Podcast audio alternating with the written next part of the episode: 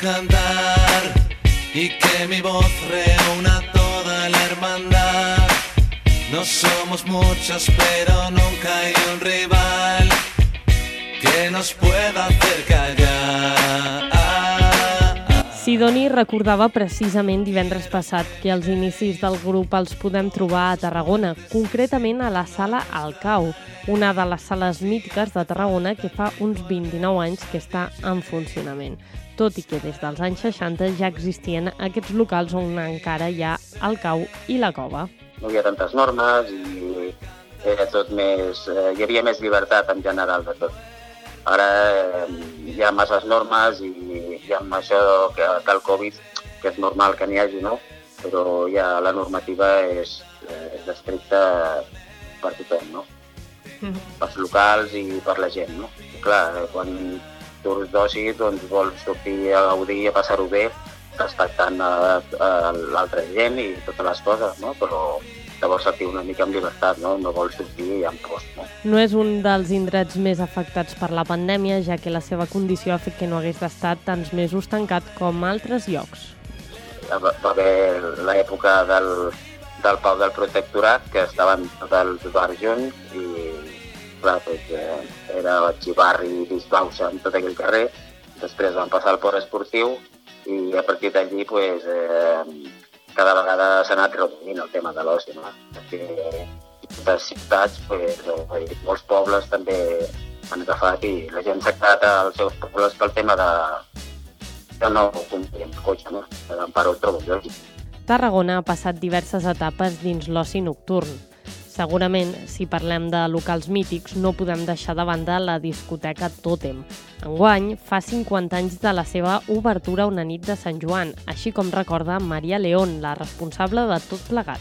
Eh, recordant, recordant el, la il·lusió que vam posar i, i les feines d'última hora, perquè com tot el que hem fet després, era qüestió de eh, de fer l'obra i, i com aquell que diu, obrir.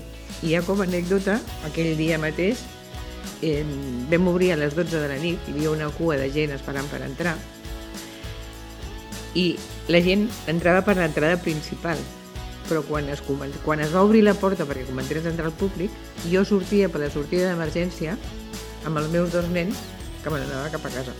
Clar, no podia quedar-me amb els nens. Havíem estat allà pel dia perquè acabaven de portar coses havien de, era Sant Joan, acabaven de portar les coques, tot això ho rebia jo. Vull dir, és que estàvem als inicis, ens estàvem organitzant pràcticament.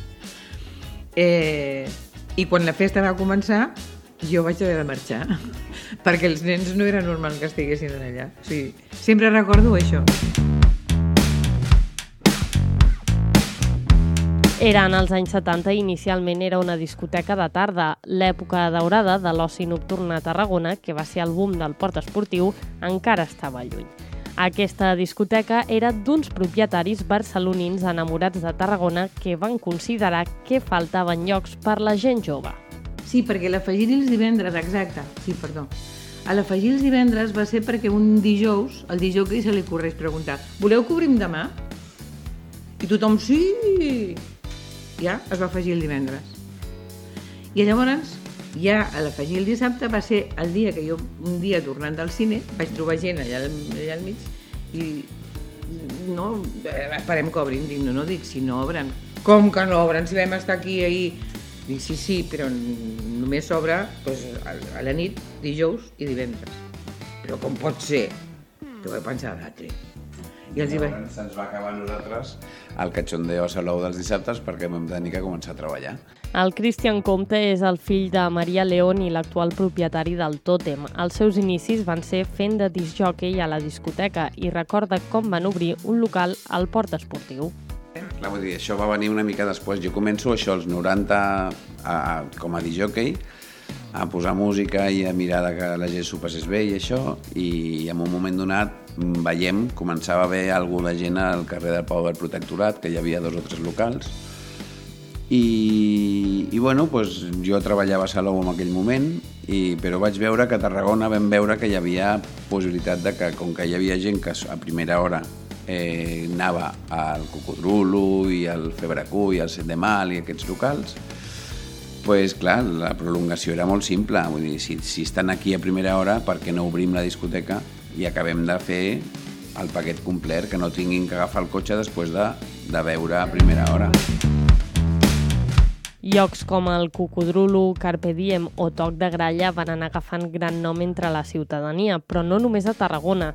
Cada nit hi havia moltes persones que es desplaçaven de diferents punts de Catalunya per sortir de festa a la ciutat. A partir dels 2000, tot va començar a canviar. Aquell indret que era el port va començar a ser perillós. Això va provocar que cada cop baixés menys gent i que els locals anessin tancant. I si parlem de locals mítics, abans d'arribar al port, hem de fer referència a la vaqueria, actualment conegut com a Premium. Clar, estem parlant de que Premium és el que era l'antiga vaqueria, això ja ho sap tothom perquè ja estem posicionats des de fa gairebé 5 anys. Estem parlant de 28 anys de local, 28 anys d'oferir bueno, al tarragoní una alternativa d'oci com n'hi ha altres tantes. Però és que en el nostre cas, doncs, clar, mm, estem parlant d'un negoci com a empresa jove, però d'una local doncs el que et deia, en quasi tres dècades a les esquenes. Per tant, són coses que s'han de cuidar i són locals molt arrelats a la nostra cultura, aquí a Tarragona, i que nosaltres vam seguir, l'únic que vam fer va ser canviar el nom i ficar-hi una altra línia que ens ha donat molts èxits en aquests anys, però que s'ha tallat d'arrel amb, amb la pandèmia. El responsable és el Toni Vera. Considera que la seva feina manté un local mític de Tarragona que s'ha adaptat als nous temps. Bueno, eh, clar, tu, la, la gent quan se refereix a la ciutat de Tarragona, i jo tinc prou experiència i canes al cabell com per recordar-ho, haver-ho viscut i haver-hi treballat, sempre estem parlant del port esportiu, sempre estem parlant d'aquella gran època, d'aquella gran zona i de tots els rèdits, mm, sobretot de, en quant a impacte econòmic, que va donar en aquesta ciutat. Era un moment també econòmicament molt alt, que la gent se podia permetre també altres tipus de, de despesa. Hem, clar, no hi havia xarxes socials, no hi havia totes les alternatives d'oci que hi poden haver ara i els hàbits estaven molt concentrats en aquella zona. Aquella zona, per mi, és passat. No podem estar... És que el tarragoní tira molt enrere. Sempre mirem enrere. No, escolteu, escolteu. Lo d'enrere ens ha de servir per, per aprendre'n. L'actual situació ha complicat la vida a aquests locals d'oci nocturn. La pandèmia no permet que hi hagi grans aglomeracions ni que tampoc es puguin concentrar en espais tancats moltes persones. Això fa que els responsables demanin ajuda per no haver de tancar el negoci present l'hem de viure i bueno, hem de com començar a mirar que el futur el podem decidir nosaltres i hem de passar de la nostàlgia a l'activitat. També te dic, no pot ser que el que et parla sigui dels empresaris més joves en l'oci nocturn de Tarragona. No pot ser. no pot ser. Necessitem gent jove, que necessitem gent jove que agafi relleus, que munti locals i que bueno, experimenti com està experimentant en certs locals, me refereixo, per exemple, a l'alquerista del Javi Collado, o, bueno, les, les alternatives hi poden ser, però ha d'haver una administració molt amatent i, sobretot, que aposti com per l'oci nocturn com a atractiu perquè, clar, tots mirem el port com, oh, és que venia molta gent, no? i l'atractiu que tenia, i el cercle virtuós que es va muntar amb l'hostaleria, amb totes les empreses de serveis que requeria, perquè aquí sembla que no ens en recordem. Els nostres locals també tenen, clar, ser locals de concurrència pública, tenen uns manteniments molt alts. Parlant de que tu no pots deixar una discoteca on hi passin 400 persones per nit, o 500, o 600, o 1.000, o les que siguin, no el pots deixar tal com està, sinó que hi ha molt de manteniment, molta indústria secundària a la que, la que nosaltres fem créixer. El futur en aquest aspecte és molt incert, però precisament aquesta setmana els empresaris reclamen a l'Ajuntament de Tarragona mesures per sobreviure a la ciutat i evitar que l'oci nocturn desaparegui.